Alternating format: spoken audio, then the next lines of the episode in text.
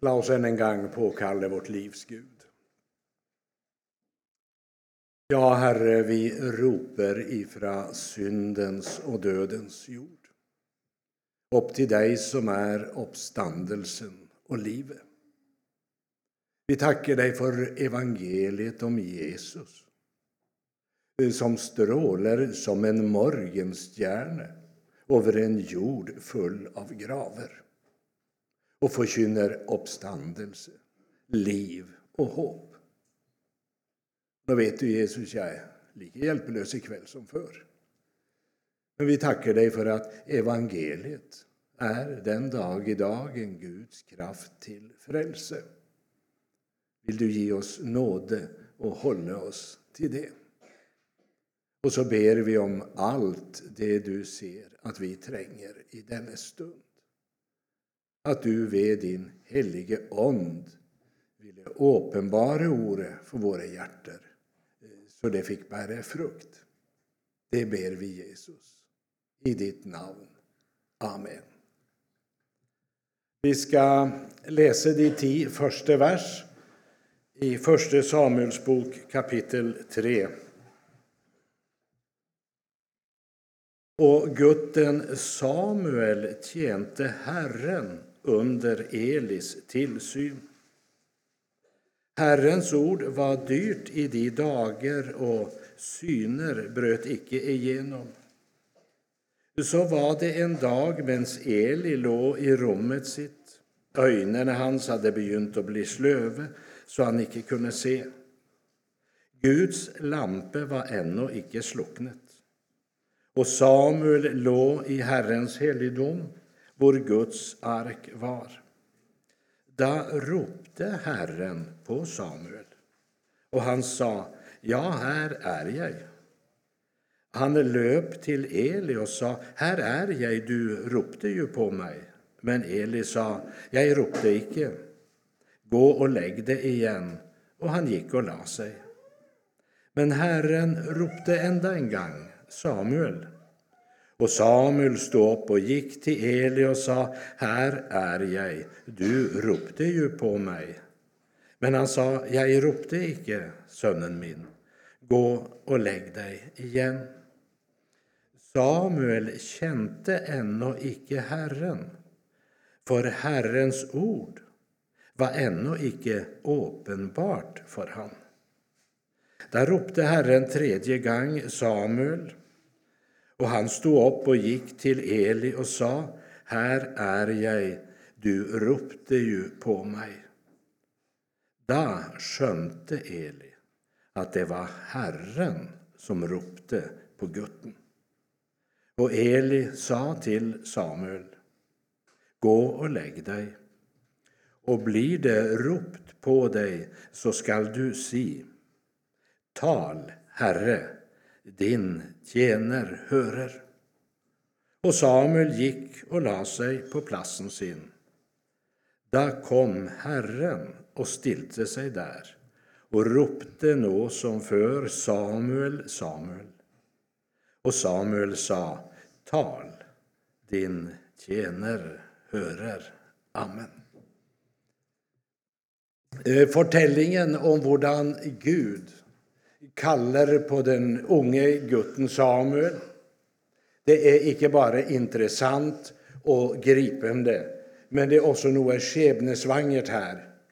För nu står vi i en brytningstid hos Guds folk Israel. Gud hade sagt, dere ska icke vara som andra folk.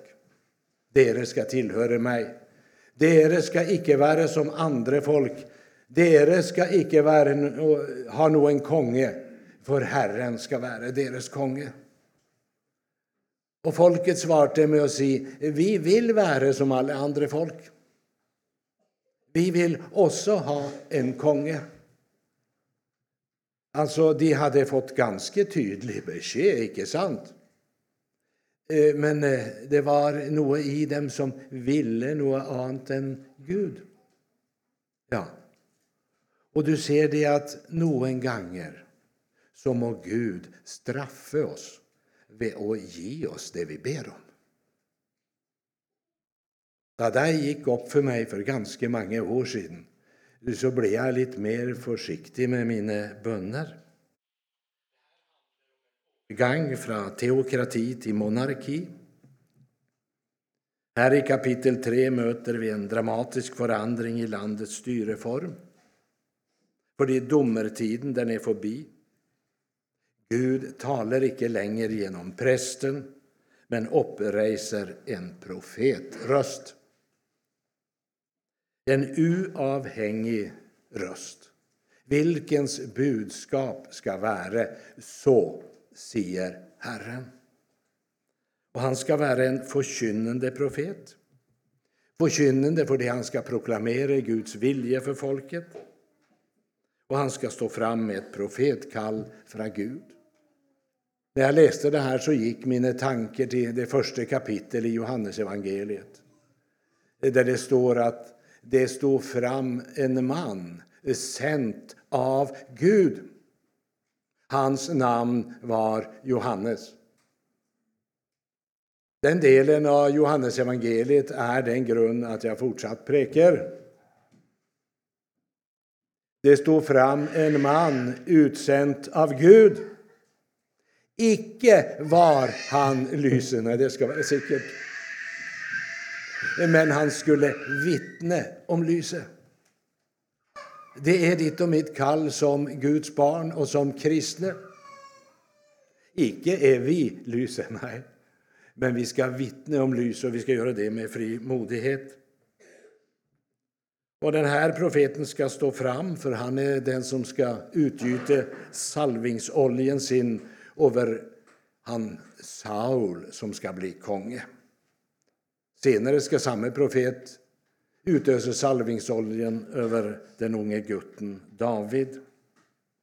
Du ser, nu talar Gud icke längre direkt till sin konge. nu talar han genom profeten. Och Det första vi ska märka oss i här kapitlet, det är vårdan, det begynner. Gutten. Gutten Samuel. Man trenger ikke å være gammel for å tjene Gud. Ja, man trenger ikke å være voksen for å tjene Gud.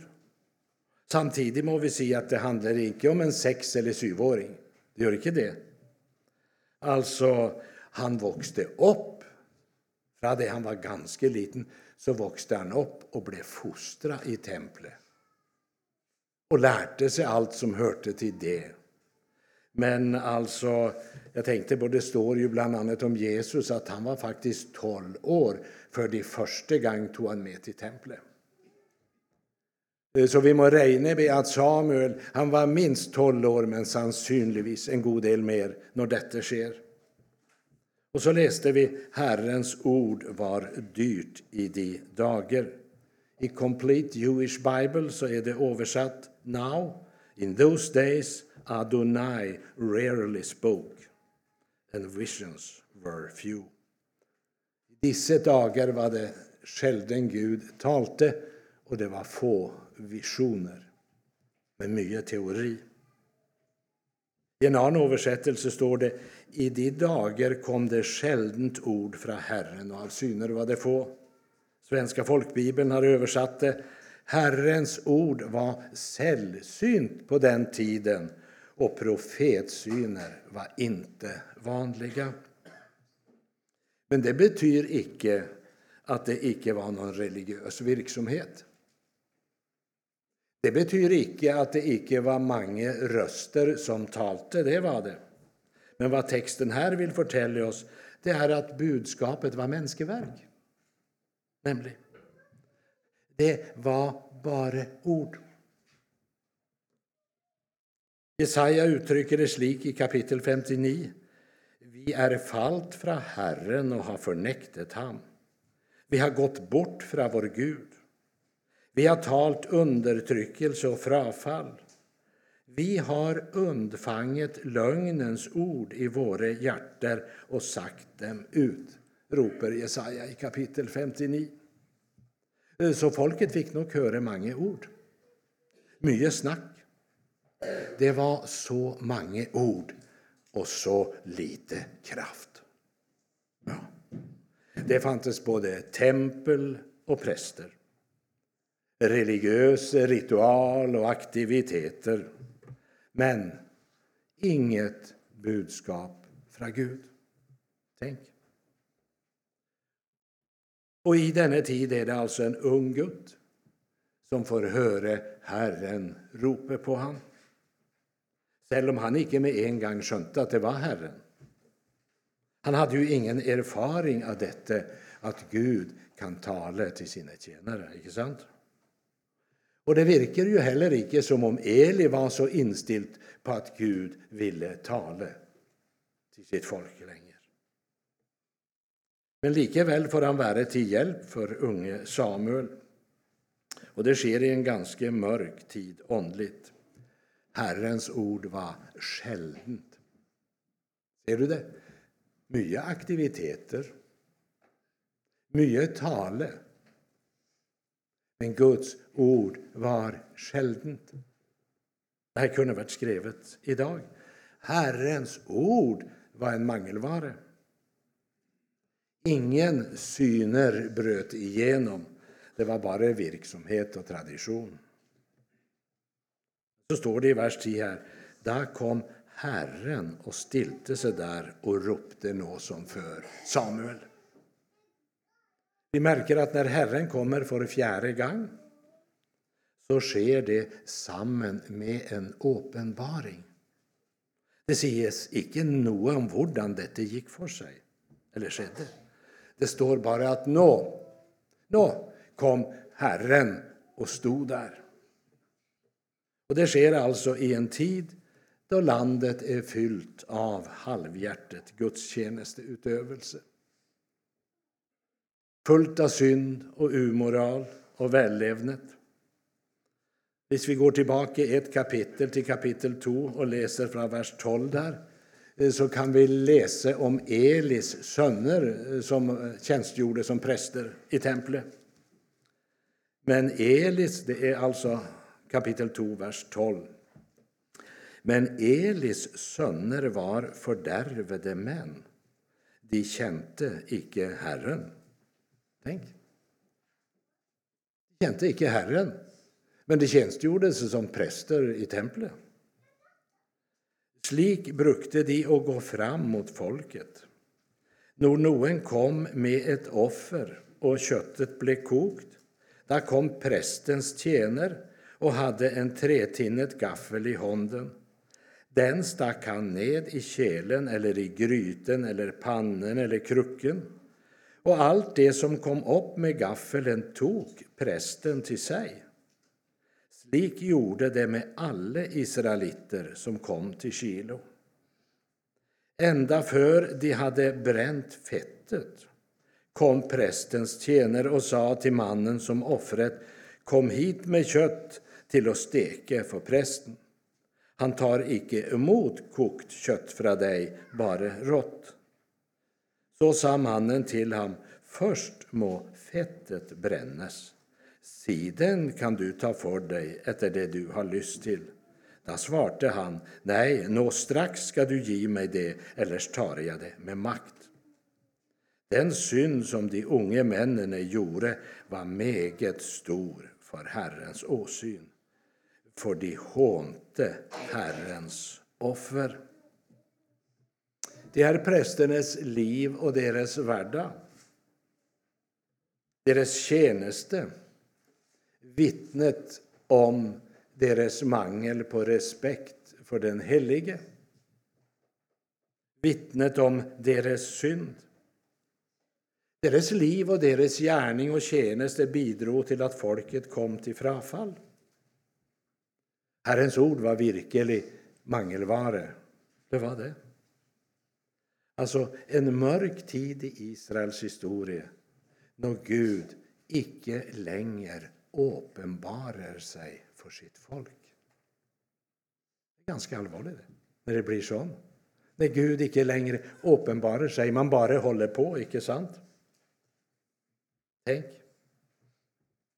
Det Herrens hand är icke för kort. Det är ett citat från de två första vers i Jesaja 59. Jag husker det, det må ha varit 86 eller 87, jag husker ikke hvor i Norge vi hade möte. Jag var samman med Gerhard Ham, som just var kommit ut efter ett långt fangenskap i Sibir. Eh, han skulle preke. Vi hade med en tolk. Och så sitter vi där på första bänk och så kommer det fram en ifrån salen och lägger honna på Gerhard och, och, och, och, och citerar på engelska det här avsnittet. Herrens hånd är icke för kort till att frälse. Hans öre är icke tunghört så han icke kan höra. Eh, och I Västeuropa brukar man det som löftesord, för man läser ju icke resten. Och det som han sa till uppmuntring för den kämpande Gerhard, det gjorde att mannen sank samman och höll nästan icke på att ha mod till att gå upp på talarstolen. Och efterpå sa jag, vad var det som hände? Ja, sa han, och så läste han det här ordet för mig. Hör vad det var han brukte till att trösta mig med. Se, Herrens hand är icke för kort till att frälse. Hans öre är icke tunghört så han icke kan höra, men deras missgärningar skiljer mellan dere och deras Gud, och deras synder har skjult hans åsyn så han icke hörer. Tänk. Jesaja 59 är icke ett löfte om bönhörelse. Det är en förklaring från Gud varför Gud icke hörer. Han fortäller varför han icke hörer sitt folk och dess rop. Och Jesaja beskriver det slik i vers 10. Vi famler som de blinde efter en vägg. Vi famler lik folk som ingen öjne har. Vi snubblar vid höjlys dag som om det var skumring. Mitt ibland friske är vi som döde. Och lite längre ut i Jesaja 59. Vi har undfanget lögnens ord. Våra hjärtan har sagt dem ut. Därför är rätten blivit hållt tillbaka och rättfärdigheten står långt borta. Sannheten har snubblet på tingstedet och rätten kan icke finna ingång. Sannheten blev borte. Den som hållt sig från det onde blev plyndret. Herren såg det, och det var ont i hans öjne att det icke var någon rätt. Nej. Och likaväl mitt i allt det här var det en rik religiös aktivitet. Men Guds ord var sällsynt. Profetsyner var ovanliga. Och det är i en slik tid Gud kallar på denne unge Gud. Det står Elis ögon hade begynt att bli slöve så han kunde icke se. Tänkte på det det står, hilsen till Laodikea-menigheten. Du vet icke att du är fattig och blind. Tänk du att vara fattig och blind och icke vite det. Så råder jag dig att du köper av mig öjensalve till att salve dina ögon med för att du kan se. Prise Gud. Det är hopp själv när det är gått så långt att ett Guds barn håller på att bli blind. Det finns ett sted där det är öjensalve att få, så man kan få sitt syn igen. Det är det. Och så står det om Eli att hans ögon hade begynt att bli slöve. Vi skönner av dessa ord att det hade icke alltid varit slik för Eli. Det hade icke det. En gång hade han varit både klarsynt, åndlig och legemlig. Han hade stor kunskap om Gud. Han hade det. Han visste vad som var rätt. Han kände Guds vilje. Han gjorde det. Men han hade icke mod till att hindra sina söner till att synda mot Herren. Det var Elis synd. Vi kan se Eli var en av de här prästerna eh, som sa ja till sannheten. Men han hade icke mot att säga nej till lögnen, för det skapade konflikt. Och Gud säger också senare att den dom som rammer Eli och hans hus är för de Eli syndet vid det att han kände till. Han kände till vad som föregick i templet, men grep icke in och hållt dem icke tillbaka. Han skulle ha avsatt dem som präster. Det skulle han. Det är också någon som blir avsatt som präst idag, men det är ju fel folk. En märklig tid att leva i, alltså. Alltså,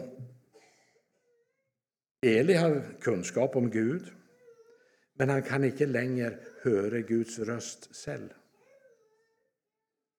Så han tror att Samuel har haft en dröm eller ett eller annat och så ber han att han ska gå och lägga sig. Alltså, han påminner om såna där kelesörjare vet du, som vill pröva att stansa uroen eh, vid att få den vakte till att sovna in igen. Guds lampe var ännu icke slocknet. Herrens lampe som var tänd i tabernaklet den skulle hållas brinnande hela natten. Så det uttrycket här är ett tecken på att det närmat sig morgonen och lyset. Det var inte blivit så lyst att man slukte lampen ännu, men det närmat sig det, så vi skönner att det här är gry tidlig på morgonen. Och då kallar han Samuel och säger, han säger, här är jag. Det är det bästa du kan se när Gud kallar. Tänk om Adam hade sagt det.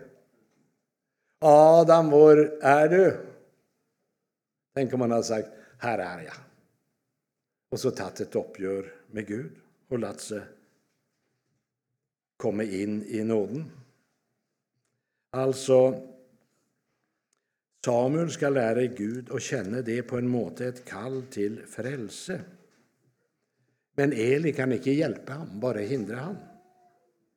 För det att prästen Eli själv lever i åndelig kompromiss. Han gör det.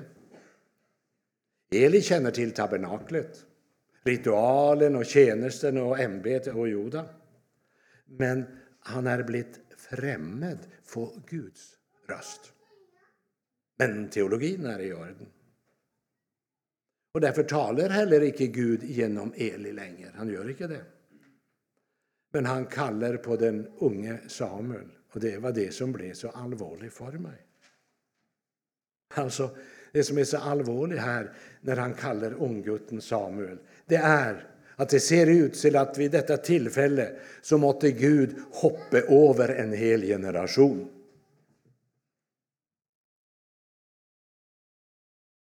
Ja. Det var ingen av Elis söner som fick Kalle. Ingen i den generationen. Och det blev så allvarligt för mig. Alltså, det är väl icke min generation. Herren må hoppa över. Samuel kände ännu icke Herren. Icke personlig ännu. Och därför kallas han. Det ges ingen detaljer om hur Samuel hörde Guds röst. Men selve kallet och budskapet gengis desto klarare. Där ropte Herren tredje gång. Han stod upp och gick till Eli och sa, här är jag, du ropte på mig. Där skönte Eli att det var Herren som ropte på gutten. Och Eli sa till Samuel, gå och lägg dig. Blir det rop på dig så skall du si, tal, Herre, din tjäner hörer. Han hade ingen erfaring av att lytta till Herrens röst. Nej. Men han får hjälp och vägledning. Och själv om han var snart blind Eli så hade han så pass kunskap och skönte så mycket att han kunde vägleda den unge till vad han skulle göra. Och den unge Samuel ger han ingen ro. Och tredje gång så inser han att ett eller annat må han göra. Det är nyttigt att säga gå och lägg dig för då, då blir det gående hela natten det här. Då må han stoppa och tänka. Och så tänker han på sitt eget kall. Och så. Han hade ju en gång varit en Herrens man som hade hört Herrens röst, men den tiden är förbi. För det, han begynte att gå på kompromiss med det som var Herrens helige vilja. Men han kan likeväl vägleda Samuel, tack och lov. Han kan förklara han vad han ska göra. Men nu är Eli där, att han kan inte visa väg. Han kan inte gå föran, han kan inte vara ett exempel. Han kan bara peka. Det må ju ha följts vemodig. När Eli inser att nu kommer Herrens ord till denne unge och icke till ham som var präst i templet. Gå och lägg dig, och blir det ropt igen, så si, här är jag. Tal din tjäner hörer. Och så gick han och la sig. Där kom Herren och stilte sig där och ropte nå som för Samuel, Samuel. Och Samuel sa, tal din tjäner hörer.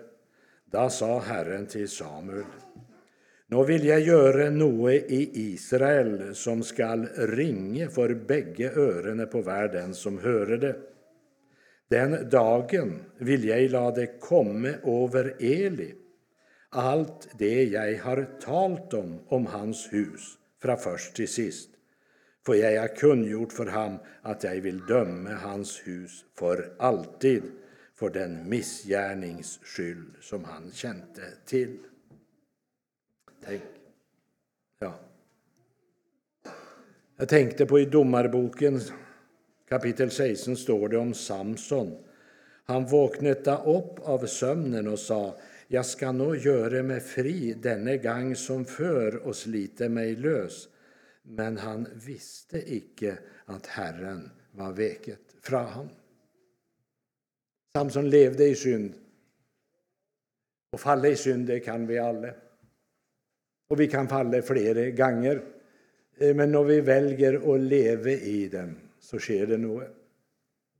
Ja. Och han hade alltid tagit sig fri för han hade fått hjälp. Eh, och så trodde han det skulle bli lika grejt denna gång, för han visste icke att Herren var veket för honom. Tänk du när man lever sån i, i jox och däcker över. Då. Det är inte så farligt bara ingen andre vet. Och så är samvittigheten skadad och så. Och så blev Herren borta och vek utan att han visste det. Den som får mycket tillrättavisning, står det i Svenska folkbibeln, men förblir hårdnackad. Han blir oväntat krossad utan räddning. Samuel får ett budskap ifrån Gud själv om vad som ska ramme Eli och hans släkt. Gang på gang forteller Bibeln att Gud oppreser människor till att förkynna dom. Det är ofta förbundet med stor smärta för budbäraren att bära fram ett slikt budskap. Och detsamma gäller Samuel. Han blir liggande hela natten utan att ta sig något till Eli om budskapet han har mottatt och om sitt kall kan gott läsa senare, efter helgen här kan du gott läsa hela Samuelsboken kapitel 3 när du kommer hem. För när Eli efter österländsk skick böjer sig för Herrens dom det betyder icke att han inser synden på en slik måte att han omvänder sig. Men det handlar nog mer om en resignation inför en skebne som han vet är uundgåelig. För den Herrens tjänare som har valt att se mellan fingrarna istället för att ropa ut Guds helige lov. Och det allvarliga och djupt tragiska det är ju det här att missgärningen som sönerna drar på sig fordi deras far icke hindrar dem vid att avsätta dem i tjänsten. För Elis synd var icke att han personligen vann helget helgedomen eller offerordningen. Det gjorde han icke. Nej. Eh, men han dömde ingen. Han undskyldte synden. Vi kan ju också komma där i vårt eget liv då vi undskyller synden. Ja, jag ville ju aldrig ha tänkt det vis icke. Nej, alltså jag skulle ju aldrig gjort det vis icke. Nej, det är ju så synd på mig. Men han var mer rädd att mista vänskapen än att folk skulle gå förtapt. Han hade svekit sitt ansvar som präst i templet, han hade det. Och svekit sitt ansvar som far. Han valde att se mellan fingrarna när det gällde synden, men han upprätthållit verksamheten.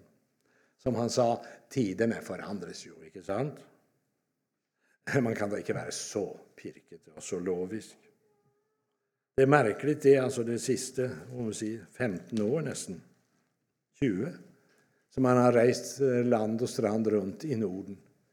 Hvis jag får ett förmaningsord från Herren, för evangeliet förmanar också. Det talar om frälse, full och fri, men evangeliet är fullt av förmaningar.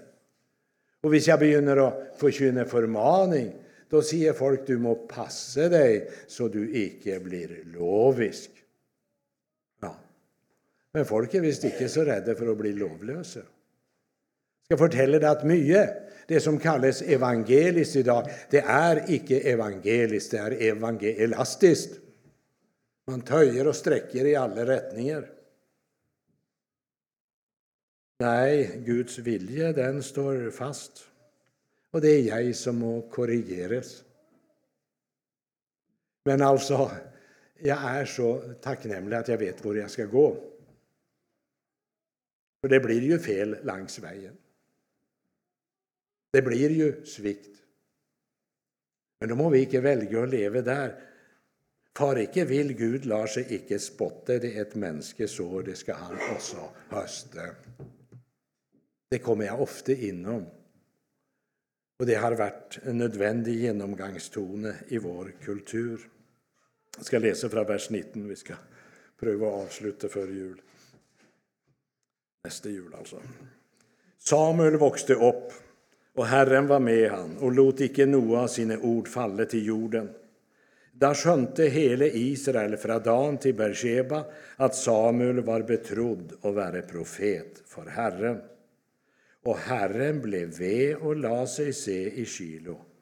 För Herren uppenbarte sig för Samuel i Kilo vid Herrens ord. Eli hade kunskap om Guds ord men manglet mod och löfte fram budskapet. Han samlet mod till att se hela sannheten, kan du se. Och det förde till att hans söners tjänst i templet sank ner på ett nivå där folket genom det de gjorde lärde sig att ringa efter Herrens offer. Samuel han inrättar sitt liv efter det kall han har fått. Han förkynner det budskap han blir pålagt, hur smärtsamt det än är. Han hade också den andliga kraft som gjorde att folket skönte här är det något mer än inlärt visdom. Här är något mer än teoretisk kunskap om Guds lov. Här är en man för vilken Gud har uppenbart sitt ord och han ropar ut budskapet utan att packa in det i bomull. Vi ser en man som är upprest av Gud.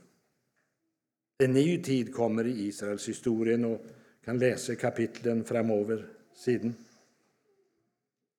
Genom sitt ord uppenbarar Gud sig än idag. Och genom Guds ord kan du och jag få möta tillgivelse, uppresning och frimodighet. Alltså, det jag satt igen med var den här avfallstiden där Gud måtte hoppa över en hel generation. Jag ska avsluta med det. Jag hoppas vi icke ändrar där. Och jag hoppas jag icke tillhör den generation. Man är ju nog i den åldern att man eh, ser ju mer på Eli än på Samuel, icke sant? Må ikke du og jeg være i den generationen. Lär mig att känna dina tankar och öves i att tänka dem. Och när i angst mitt hjärta banker, då må du kalle motet fram. När jag har tänkt mig trätt till döden, si så vad du har tänkt, och Gud. Men lär mig framför allt att känna din gränselöse kärlighet. Herre, se i nåde till mig, så jag icke blir en i min generation som du må hoppa över. Här hade jag tänkt att läsa ett dikt. Vill du ge mig den där boken som ligger där? Den fick jag inte med mig. Jag är inte så god på huske, men jag är god på glömma. Så det jämnar ut sig. Jag läser den sista dikten i den här. Jag kan tydligt förnimma att tiden är nära då budskapet ljuder nu är Herren här. Med änglaskaror i makt och i ära han förkunnar att det tid för räkenskap är. Då kan ingenting döljas eller bortförklaras. Nu står vi inför honom för vilken vi intet kan dölja. I ett ögonblick våra handlingar nu alla uppenbaras. För sent de flesta inser vad som nu ska följa. Nu är tiden förbi då han lovar att min synd förlåta. Se, varför tog jag inte vara på min besökelsetid? Nu hjälper det inte varken ropa eller gråta. Nu erbjuds ej längre Guds nåd och Guds frid. Tack Gud för det under att jag vaknade i tid så jag fick bekänna all min synd och orätt för dig. Nu är kampen över, slut på kamp och strid. Ja, nu väntar Guds eviga vår på mig. Här ljuder Mose och Lammets sång så klar. Tänk Jesus själv jag nu äntligen ser. Det var hans frälsningsverk som alltid mig bar. Nu är jag hemma och kan ej önska mig mer. För nu lever jag i frihetens eviga vår. Herre, hjälp oss att ingen av oss blir den som i vår generation du måtte hoppa över. Förbarm dig över oss och res oss upp och sänd oss på ny. Tack att du kallar oss till liv och tjänste. Amen.